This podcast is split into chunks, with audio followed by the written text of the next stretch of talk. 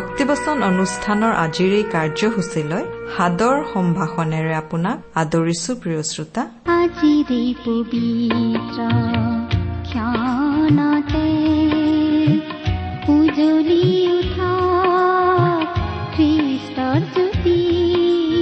প্ৰিয় শ্ৰোতা আজিৰ এই অনুষ্ঠানত আপোনাক লগ পাই বৰ ভাল লাগিছে।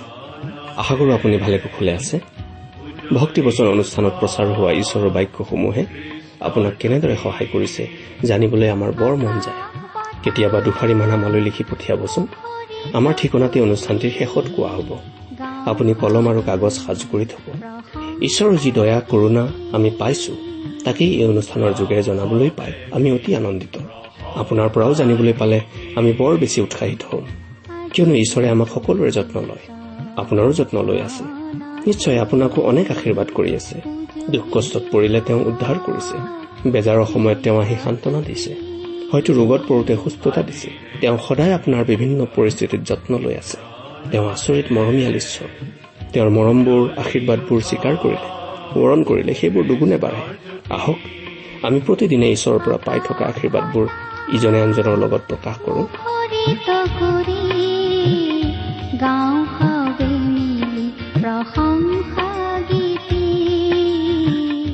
আমাৰ মহান ত্ৰাণকৰ্তা প্ৰভু যীশুখ্ৰীষ্টৰ নামত নমস্কাৰ প্ৰিয় শ্ৰোতা। আশা কৰো আপুনি ভালে কুশলে আছে। প্ৰিয় শ্ৰোতা আপুনি বাৰু আমাৰ এই ভক্তিবচন অনুষ্ঠানটো নিয়মিতভাৱে শুনি আছেনে? এই অনুষ্ঠান শুনি কেনে পাইছে আপোনাৰ মতামত আদি জনাই আমালৈ কেতিয়াবা চিঠি পত্ৰ লিখিছেনে বাৰু? অনুগ্ৰহ কৰি আজি এই দুষাৰিমান লিখি পঠিয়াবচোন। আপোনালোকৰ পৰা চিঠি পত্ৰ পালে আমি আমাৰ কাম কৰি যোৱাত উৎসাহ পাওঁ। আপোনালোকৰ পৰা পোৱা চিঠি পত্ৰৰ উত্তৰ দিবলৈ আমি আগ্ৰহেৰে বাট চাই থাকো। অনুগ্ৰহ কৰি আজিয়েই দুষাৰিমান লিখি পঠিয়াই যেন। আহকচোন সদায় কৰি অহাৰ নিচিনাকৈ আজিও বাইবেল অধ্যয়ন আৰম্ভ কৰাৰ আগতে খন্তেক প্ৰাৰ্থনাত মূৰ দুৱাওঁ হওক। স্বৰ্গত থকা অসীম দয়ালু কৰুণাময় পিতৃ ঈশ্বৰ তোমাক ধন্যবাদ জনাইছো। কিয়নো তোমাৰ মহান বাক্য বাইবেল শাস্ত্ৰ অধ্যয়ন কৰিবলৈ তুমি আমাক আকৌ এটা সুযোগ দান কৰিছা। তোমাৰ বাক্য বুজাই দিবলৈ আমাৰ ক্ষমতা নাই যদিহে তুমি আমাক বুজাই নিদিয়া। প্ৰভু প্ৰাৰ্থনা কৰিছো। এই অনুষ্ঠানৰ আৰম্ভণিৰ পৰা শেষলৈকে তুমিয়েই আমাৰ চলাওঁতা হৈ তোমাৰ বাক্য তুমিয়েই আমাক বুজাই দিয়া আৰু আমাৰ প্ৰয়োজন অনুসাৰে তোমাৰ স্পষ্ট মাত আমাক শুনিবলৈ দিয়া। আমাৰ মৰমৰ শ্ৰোতাসকলৰ জীৱনত তোমাৰ অনুগ্ৰহৰ আশীৰ্বাদ উপচি পৰাকৈ প্ৰকাশ পাই উঠিবলৈ দিয়া।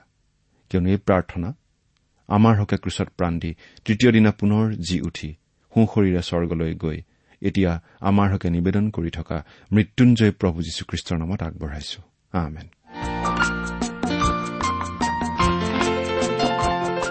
প্ৰিয় শ্ৰোতা আপুনি বাৰু আমাৰ এই ভক্তিবচন অনুষ্ঠানটো নিয়মিতভাৱে শুনি আছেনে? আপুনি বাৰু আমাৰ আগৰ অনুষ্ঠানটো শুনিছিল নে আমি বাৰু কি আলোচনা কৰিছিলো আপোনাৰ মনত আছেনে? যদিহে আপুনি আমাৰ এই অনুষ্ঠানটো নিয়মিতভাৱে শুনি আহিছে তেনেহলে আপুনি নিশ্চয় জানে যে আমি আজি কিছুদিনৰ পৰা বাইবেলৰ পুৰণি নিয়ম খণ্ডৰ চলোমনৰ পৰম গীত নামৰ পুস্তকখন অধ্যয়ন কৰি আছো। নহয় জানো? যোৱা অনুষ্ঠানত আমি এই পৰম গীত পুস্তকখনৰ চাৰি নম্বৰ অধ্যায়ৰ শেষৰটো পদলৈকে পঢ়ি আমাৰ আলোচনা আগবঢ়াইছিলো। গতিকে আজিৰ অনুষ্ঠানত আমি এই পৰম গীত পুস্তকৰ পাঁচ নম্বৰ অধ্যায়ৰ প্ৰথম পদৰ পৰাই আমাৰ আলোচনা আগবঢ়াই নিব খুজিছো। আমাৰ এই অনুষ্ঠানটো বাইবেল অধ্যয়নৰ অনুষ্ঠান। আৰু এই অনুষ্ঠানত আমি বাইবেলৰ পৰা পাঠ কৰি যাওঁ। গতিকে অনুষ্ঠানটো শুনাৰ সময়ত লগত বাইবেলখন লৈ ললে ভাল হয় হাতত কাগজ কলম লৈ ললেতো আৰু ভাল হয়। আপুনি বাৰু আপোনাৰ বাইবেলখন মেলি লৈছেনে? এতিয়া আমি অধ্যয়নৰ পিনে আগবাঢ়ো। এই চলোমনৰ পৰম গীত আচলতে প্ৰেমৰ গীত। ৰজা চলোমন আৰু এগৰাকী সাধাৰণ ছোৱালীৰ মাজৰ প্ৰেমৰ গীত। ৰজা চলোমনে প্ৰথমতে এজন ভেড়াৰখীয়া হিচাপে সেই ছোৱালীজনীৰ প্ৰতি প্ৰেম নিবেদন কৰিছিল আৰু এদিন নিজৰ চিনাকি দি সেই ছোৱালীজনীক তেওঁ ৰাজপ্ৰাসাদলৈ লৈ আহিছিল।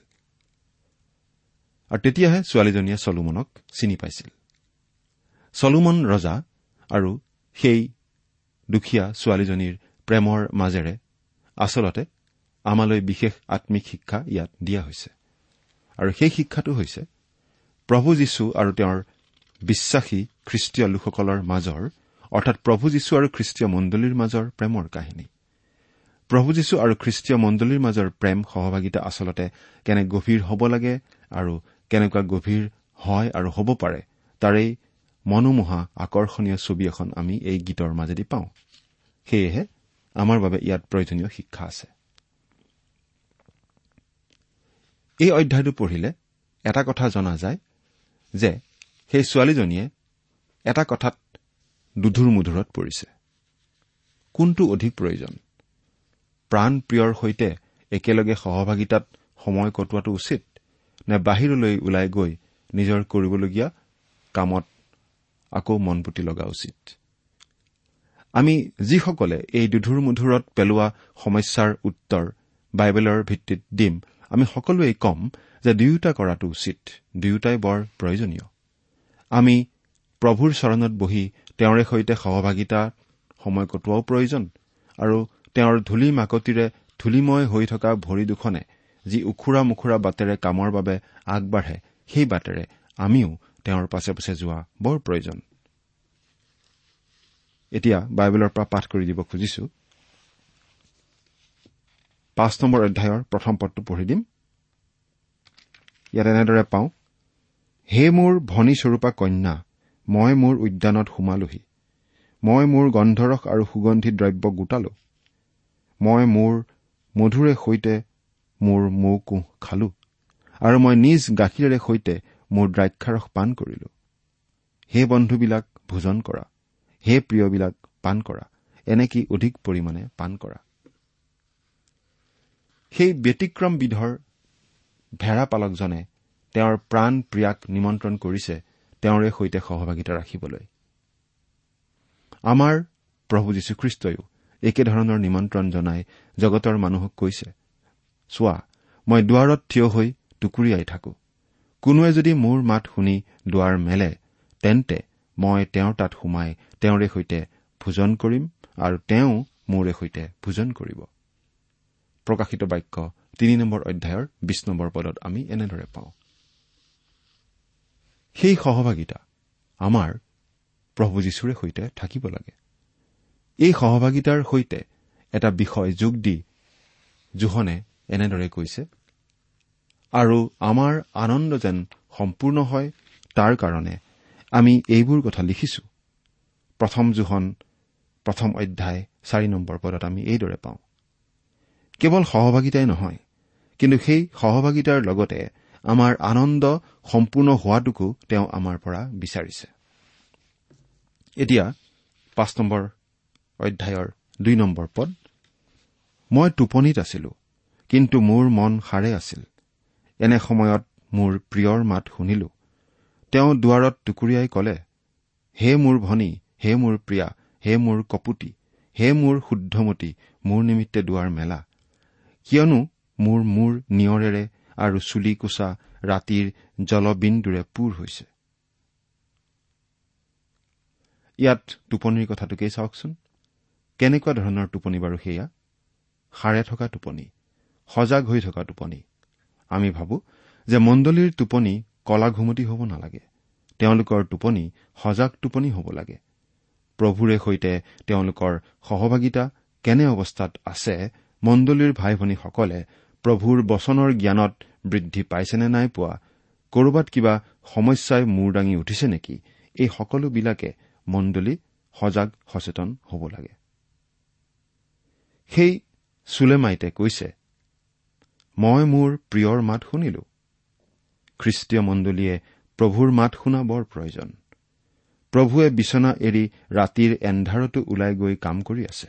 তেওঁ কৈছে তোমালোক যোৱা সকলো জাতিকে শিষ্য কৰা। তেনে ক্ষেত্ৰত আমিনো শুই থাকো কিয়?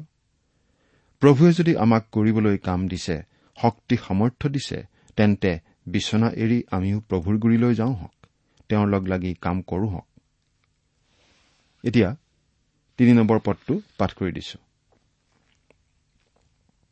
মই মোৰ অংগৰক্ষক বস্ত্ৰ শুলুকাই থলো।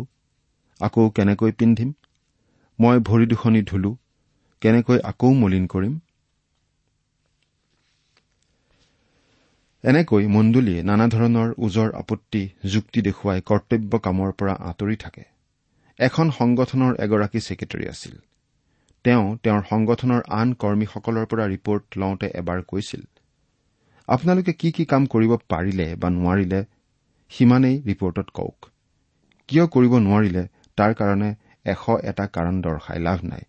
কাৰণ এটা কাৰণতেই হওক বা এশ এটা কাৰণতেই হওক কামটো মুঠতে কৰা নহল সেইটোহে আচল কথা। যিটো কাম কৰাই নহল তাৰ কাৰণে এশ এটা কাৰণ দৰ্শালেও তাৰেই কাৰ বা কি লাভ হ'ব কোনো লাভ নাই।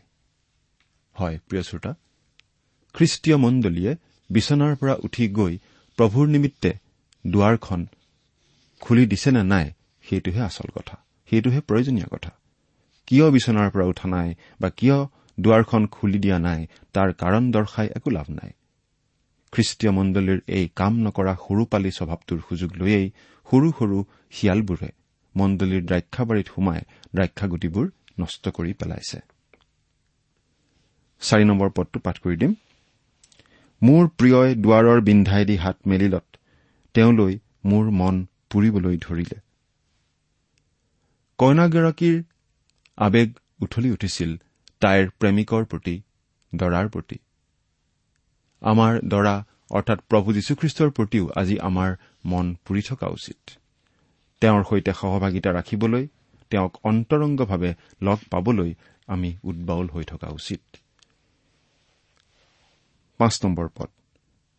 মই মোৰ প্ৰিয়ৰ নিমিত্তে দুৱাৰ মেলিবলৈ উঠিলো। তেতিয়া শলখাৰ নালডাল মই হাতেৰে চোৱাত। মোৰ হাতৰ পৰা গন্ধৰস মোৰ আঙুলিৰ পৰা দ্ৰৱ গন্ধৰস টোপাটোপে পৰিল।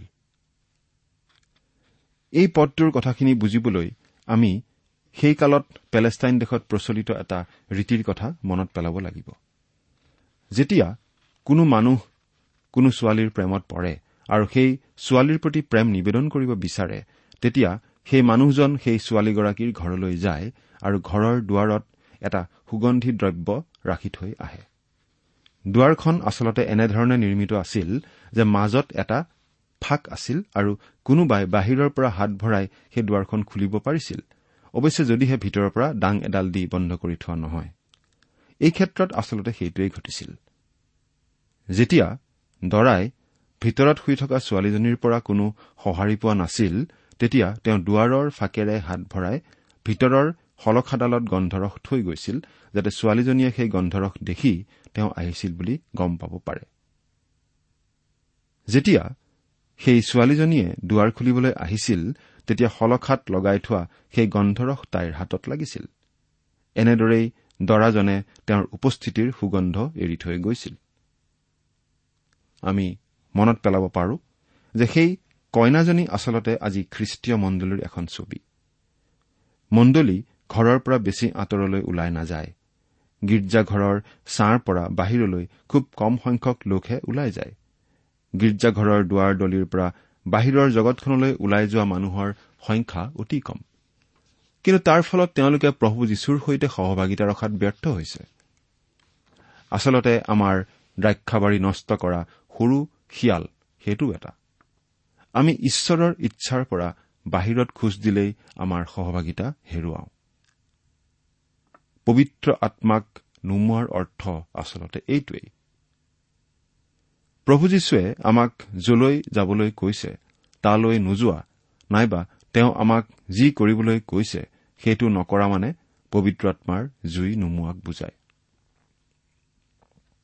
আমি ভাবো যদিহে আমি আমাৰ বিচনা এৰি উঠো আৰু বাহিৰ ওলাই গৈ ঈশ্বৰৰ বাবে কিবা কিবি কৰিবলৈ আৰম্ভ কৰো আমি আমাৰ শোৱা কোঠাৰ শলখাত প্ৰভু যীশুৰ উপস্থিতিৰ সুগন্ধ বিচাৰি পাম। আমি তেওঁৰ সহভাগিতাৰ মধুৰতা উপভোগ কৰিব পাৰিম। গীতকেইটাৰ ভিতৰত এইটো সকলোতকৈ চুটি কিন্তু গীতটো অতি মূল্যৱান অৰ্থপূৰ্ণ। এতিয়া আমি পাঁচ নম্বৰ গীতটোত প্ৰৱেশ কৰিছো। এই প্ৰেমৰ কাহিনীত ৰজা চলোমনে সেই সাধাৰণ চুলেমীয়া ছোৱালীজনীক ইফ্ৰইমৰ পৰ্বতীয়া অঞ্চলৰ পৰা জিৰচালেমৰ ৰাজপ্ৰাসাদলৈ লৈ আহিছিল। এই গীতবোৰত সেই ছোৱালীজনীয়ে প্ৰকাশ কৰিছে তাই সকলোবোৰৰ দ্বাৰা কেনেকৈ মুগ্ধ হৈছে। ৰাজপ্ৰাসাদ ৰাজ সিংহাসন আৰু ৰজাৰ ভোজৰ মেজ। তাইৰ গীতত আছে ৰজাৰ প্ৰতি তাইৰ উপাসনা আৰু আদৰৰ মনোভাৱ। কিন্তু যেতিয়া দৰাই তাইক টোপনিৰ পৰা জগাবলৈ আহিছিল নিজৰ কাম কৰিবলৈ আৰু হেৰাই থকা মেৰ ছাগলী বিচাৰি আনিবলৈ তেতিয়া তাই বিচনা এৰি উঠিব খোজা নাছিল। অৱশেষত যেতিয়া তাই বিচনা এৰি দুৱাৰমুখলৈ আহিছিল দৰা ইতিমধ্যেই তাৰ পৰা আঁতৰি গৈছিল। তাই দুৱাৰখন খুলিছিল আৰু তেওঁক মাতিছিল। তাৰ পাছত তাই তেওঁক বিচাৰি গৈছিল। এইদৰে মই মোৰ প্ৰিয়ৰ নিমিত্তে দুৱাৰ মেলি দিলো। কিন্তু মোৰ প্ৰিয় গুচি গ'ল। তেওঁ কথা কওঁতে মোৰ প্ৰাণ ওলাই গ'ল। মই তেওঁক বিচাৰ কৰিলো কিন্তু তেওঁক নাপালো। মই তেওঁক মাতিলো কিন্তু তেওঁ মোক উত্তৰ নিদিলে। অৰ্থাৎ ইয়াত আমি দেখিবলৈ পাইছো যে তাই আৰু তাইৰ দৰাৰ মাজত থকা সহভাগিতা ভাঙি গৈছিল। ইয়াৰ মাজত আমাৰ বাবে কিবা শিক্ষা আছেনে বাৰু? আমি বিশ্বাস কৰো বহুতো খ্ৰীষ্টীয় বিশ্বাসী লোক আছে যিসকলে দুটা কামৰ অন্তত এটা কাম কৰি আছে। তেওঁলোকে জীৱনত পাপ কৰি পবিত্ৰ আত্মাক দোষ দিছে নাইবা তেওঁলোকে পবিত্ৰ আত্মাৰ প্ৰতি অবাধ্য হৈ পবিত্ৰ আত্মাৰ জুই নুমুৱাইছে। তাৰ দ্বাৰাই আমাৰ সহভাগিতা ভাঙি যায় প্ৰভু যীশুৰ সৈতে থকা আমাৰ সহভাগিতা ভাঙি যায় আৰু আমি আমাৰ আনন্দ হেৰুৱাওঁ। তাৰমানে অৱশ্যে আমি পৰিত্ৰাণ নেহেৰুৱাওঁ কিন্তু আমি পৰিত্ৰাণৰ আনন্দ নিশ্চয় হেৰুৱাম। তাৰমানে অৱশ্যে এইটোও নহয় যে আমি পবিত্ৰ আত্মা হেৰুৱাওঁ। নাই নেহেৰুৱাওঁ। কাৰণ প্ৰতিজন খ্ৰীষ্টীয় বিশ্বাসীতেই পবিত্ৰ আত্মা নিবাস কৰে। তেওঁক আমি মনত বেজাৰ দিব পাৰো কিন্তু বেজাৰ পাই তেওঁ আমাক পৰিত্যাগ কৰি গুচি নাযায়। কিন্তু আমি তেওঁৰ সৈতে থকা সহভাগিতাৰ পৰা বঞ্চিত হ'ব পাৰো। আৰু বহুতো খ্ৰীষ্টিয়ানৰ অৱস্থা আজি তেনেকুৱাই। এবাৰ এজন মানুহে এজন প্ৰচাৰকক কৈছিল। আপুনি আপোনাৰ জীৱনত খ্ৰীষ্টৰ বাস্তৱ অভিজ্ঞতাৰ কথা কয় কিন্তু মোৰ সেই অভিজ্ঞতা নাই। আচলতে পবিত্ৰ আত্মাক নুমোৱাৰ ফলতহে মানুহে এনেদৰে ক'ব লগা হয়।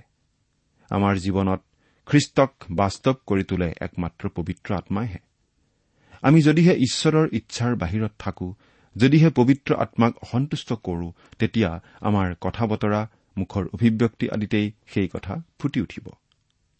তেনে মানুহৰ জীৱনত প্ৰকৃত আনন্দ নাথাকে। ইয়াতো আমি দেখা পাওঁ যে কইনাগৰাকীয়ে তাইৰ সহভাগিতা হেৰুৱাইছে। আমি এই কথা আকৌ মনত পেলাই দিব খুজিছো যে প্ৰভু যীশুক ত্ৰাণকৰ্তা বুলি গ্ৰহণ কৰাৰ লগে লগে আমি পৰিত্ৰাণ লাভ কৰো আৰু সেই পৰিত্ৰাণ আমি কেতিয়াও নেহেৰুৱাওঁ।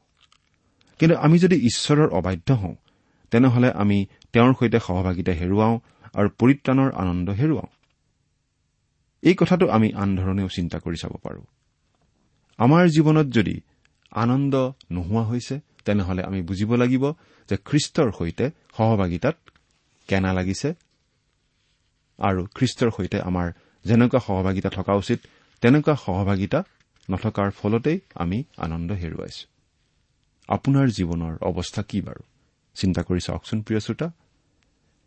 সাত নম্বৰ পদটো পঢ়িম। নগৰ ফুৰোতা প্ৰহৰীবোৰে মোক পালে। সিহঁতে মোক কোবালে মোক ক্ষত বিক্ষত কৰিলে।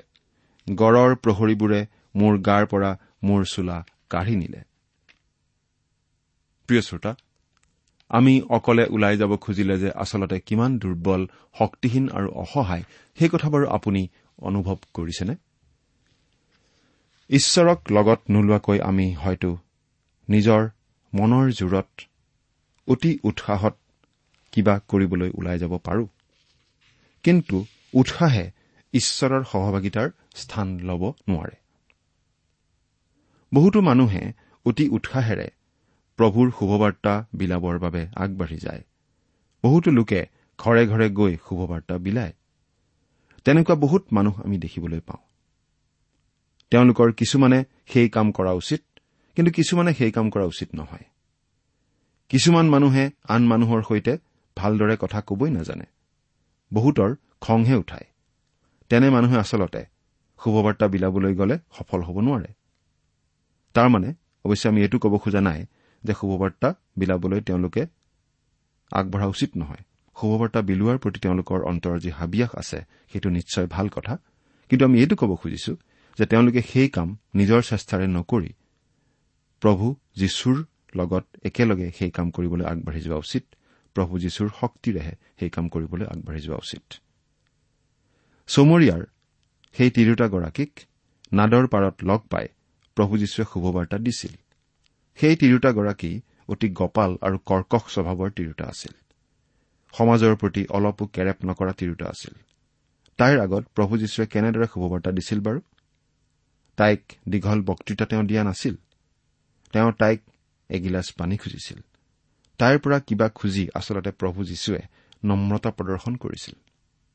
তাৰ পাছত তেওঁ অতি নম্ৰভাৱে কৈছিল তুমি বিচৰা হলে মই তোমাক জীৱন জল দিব পাৰিলোহেঁতেন। তিৰোতাগৰাকীয়ে আচলতে সেই জীৱন জল খুজিছিল কিন্তু তাই নিবিচৰালৈকে প্ৰভু যীশুৱে তাইক সেই জীৱন জল আগবঢ়োৱা নাছিল। আমি আন মানুহৰ আগত শুভবাৰ্তা দীঘল বক্তৃতা দিয়াৰ আগতে তেওঁলোকৰ মাজত সেই শুভবাৰ্তাৰ প্ৰতি ভোক পিয়াহ জগাব পাৰিব লাগিব। তেওঁলোকে আমাৰ জীৱনত কিবা নহয় কিবা এটা দেখিব লাগিব যিটো দেখি যীচুক জানিবলৈ তেওঁলোকৰ আগ্ৰহ জন্মিব লাগিব। অৱশ্যে এই কথা সঁচা যে ঈশ্বৰৰ বাক্যৰ প্ৰতি বিৰোধ আহে। আৰু কেতিয়াবা আমি আশা নকৰা ঠাইৰ পৰা নাইবা আশা নকৰা ধৰণে এই বাধা আহে। নগৰ ফুৰোতা প্ৰহৰীয়ে মোক পালে সিহঁতে মোক কোবালে। সেই ছোৱালীজনীয়ে এটা কঠিন সময়ৰ সন্মুখীন হ'ব লগা হৈছে। এসময়ত তাইক পহৰা দিয়া লোককেইজনেই এতিয়া তাইক আঘাত কৰিছে। খ্ৰীষ্টীয় জীৱনতো এনেধৰণৰ অভিজ্ঞতা হয়।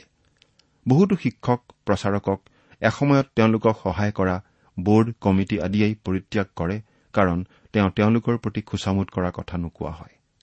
বৰং তেওঁ দিয়া শিক্ষাই হয়তো বহুতৰ বিবেকত আমনি কৰে। এতিয়া আমি পাওঁ সেই চুলেমিয়া ছোৱালীজনীয়ে জিৰচালেমৰ জীয়াৰীবোৰক লগ পোৱাৰ কথা। আৰু ইয়াত আমি পাল পাতি গীত গোৱা দেখিবলৈ পাওঁ। ছোৱালীজনীয়ে এফাকি গায় আৰু জিৰচালেমৰ ছোৱালীবোৰে আন এফাকি গায় অৰ্থাৎ গানেৰে উত্তৰ দিয়ে। কইনাজনীয়ে কৈছে হে জিৰচালেমৰ জীয়াৰীবিলাক মই তোমালোকক শপত দি কৈছো। তোমালোকে যদি মোৰ প্ৰিয়ক লগ পোৱা তেন্তে তেওঁক কবা যে মই প্ৰেমতে পীড়িতা হৈছো। তোমালোকে যদি তেওঁক লগ পোৱা তেনেহলে মই তেওঁৰ সংগ পাবলৈ কিমান আকুল হৈ আছো সেই কথা কবা। তেওঁক মই কিমান ভাল পাওঁ সেই কথা জনাবা। ছোৱালীজনীৰ অন্তৰে কান্দিছে আৰু তাইৰ সৰ্বশৰীৰে তেওঁক পাবলৈ হাবিয়াস কৰিছে। বাগিচাখনে সুবাস হেৰুৱাইছে। গন্ধৰস আৰু কুন্দুৰুৱে এতিয়া আৰু তাইক সন্তুষ্টি নিদিয়ে। জিৰচালেমৰ জীয়াৰীহঁতে উত্তৰ দিছে। ন নম্বৰ পদ। হে নাৰীবিলাকৰ মাজত পৰম সুন্দৰী আন আন প্ৰিয়তকৈ তোমাৰ প্ৰিয় কিহত উত্তম? তুমি যে আমাক এনে শপত দিছা আন আন প্ৰিয়তকৈ তোমাৰ প্ৰিয় কিহত উত্তম? সিহঁতৰ উত্তৰটো সাৱধানে দিয়া উত্তৰ যেন লাগিছে। তেওঁলোকে যেন এনেদৰে কৈছে এই পুৰুষজন তোমাৰ বাবে অতি আপোন। আন কোনোবা এজন আমাৰ বাবে যিমান আপোন হ'ব পাৰে তোমাৰ প্ৰিয়জন তাতকৈ বেছি আপোন কিয়? তোমাৰ প্ৰিয়জন কিয় ইমান বেছি প্ৰিয়? তেওঁতনো কি বিশেষত্ব আছে? আনতকৈনো তেওঁ কি বেলেগ? জগতে আজি আমাক সোধে তোমালোকৰ যীশুনো ইমান কি বেলেগ? আনতকৈ তেওঁনো কিহত বেলেগ? কিয় তোমালোকে কেৱল তেওঁৰ কথাই কোৱা? আন বহুতো মহান নেতা আছে আন বহুতো মহান ধৰ্মীয় নেতা আছে যীশুনো কিহত বেলেগ কি বেলেগ? যীশুৱে নিজৰ বিষয়ে কোৱা কথাবোৰ সঁচা বুলি তোমালোকে কিয় বিশ্বাস কৰা? যীশু কেৱল এজন সাধাৰণ মানুহ নহয় জানো? এইবুলি জগতে আমাক আজি প্ৰশ্ন কৰে। প্ৰিয় শ্ৰোতা পৃথিৱীত সকলোতকৈ বেছি আলোচ্য ব্যক্তিজন হৈছে যীশুখ্ৰীষ্ট। তেওঁক লৈ সকলোতকৈ বেছি বাক বিতণ্ডা সমালোচনা আদি হৈছে। ইতিহাসত তেওঁই সকলোতকৈ অধিক বিতৰ্কিত ব্যক্তি। আজি যদি ইতিহাসৰ কোনো এজন বিখ্যাত ৰজাক কোনোবাই ভুৱা মিছলীয়া আৰু লম্পট বুলি কয় তেনেহলে বিশেষ একো প্ৰতিক্ৰিয়া নহ'ব। বিশেষ তৰ্ক বিতৰ্কও নহ'ব। কিন্তু যীশুখ্ৰীষ্টক লৈ গোটেই মানৱ জাতিয়েই দুভাগত বিভক্ত। এভাগে তেওঁক ঈশ্বৰ বুলি বিশ্বাস কৰি তেওঁক এই ত্ৰাণকৰ্তা বুলি গ্ৰহণ কৰে। আন এভাগে তেওঁক অৱহেলা কৰে নাইবা অগ্ৰাহ্য কৰে নাইবা হয়তো তেওঁক উপলুঙাও কৰে। কিন্তু যীশুৱে আমাৰ পৰা কিবা নহয় কিবা এটা সিদ্ধান্ত বিচাৰে। আমি যীশুৰ বিষয়ে নিজৰ স্থান নিৰ্ধাৰণ কৰিবই লাগিব। এই কথা চিন্তা কৰি চাওকচোন। ঈশ্বৰে আপোনাক আশীৰ্বাদ কৰক।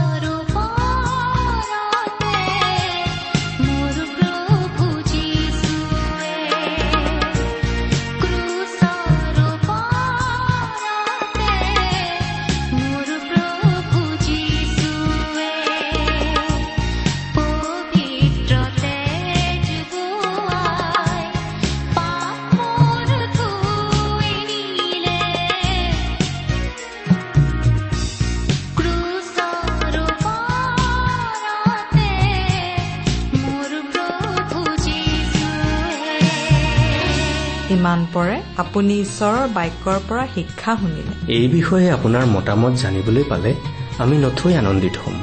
আমি প্ৰস্তুত কৰা বাইবেল অধ্যয়নৰ চিডিসমূহ পাব বিচাৰিলে আৰু অনুষ্ঠানত প্ৰচাৰ কৰা কোনো কথা বুজিব লগা থাকিলেও আমালৈ লিখক। আমাৰ যোগাযোগৰ ঠিকনা ভক্তিবচন ট্ৰান্সৱৰ্ল্ড ৰেডিঅ' ইণ্ডিয়া ডাক বাকচ নম্বৰ সাত শূন্য গুৱাহাটী সাত আঠ এক শূন্য শূন্য এক।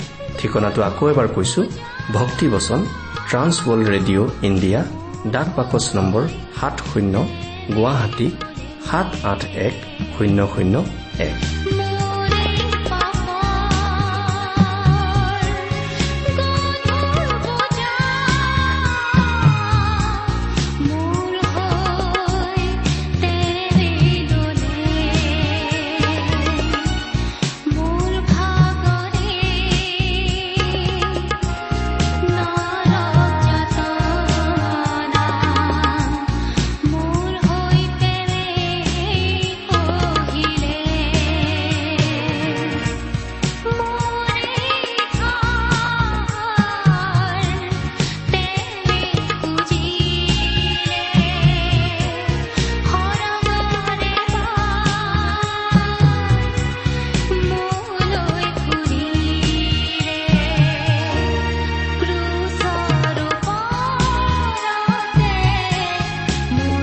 আমাৰ ইমেইল এড্ৰেছটো হৈছে Assamese T TV at the rate radio' eight eight two dot com আমাৰ website W W W dot T W R dot in আপুনি টেলিফোনৰ মাধ্যমেৰেও আমাক যোগাযোগ কৰিব পাৰে। আমাৰ টেলিফোন নম্বৰটো হৈছে nine eight five four zero' four zero' eight eight nine phone নম্বৰটো আকৌ এবাৰ কৈছো ন আঠ পাঁচ চাৰি শূন্য চাৰি শূন্য আঠ। আঠ ন। আপুনি এই ভক্তিবচন অনুষ্ঠানটি আমাৰ website W W W dot radio' eight eight two dot কমতো শুনিব পাৰিব। আজিৰ অনুষ্ঠানটি ইমানতে সামৰিছো। ঈশ্বৰৰ শান্তি আৰু অনুগ্ৰহ আপোনাৰ লগত থাকক। ধন্যবাদ।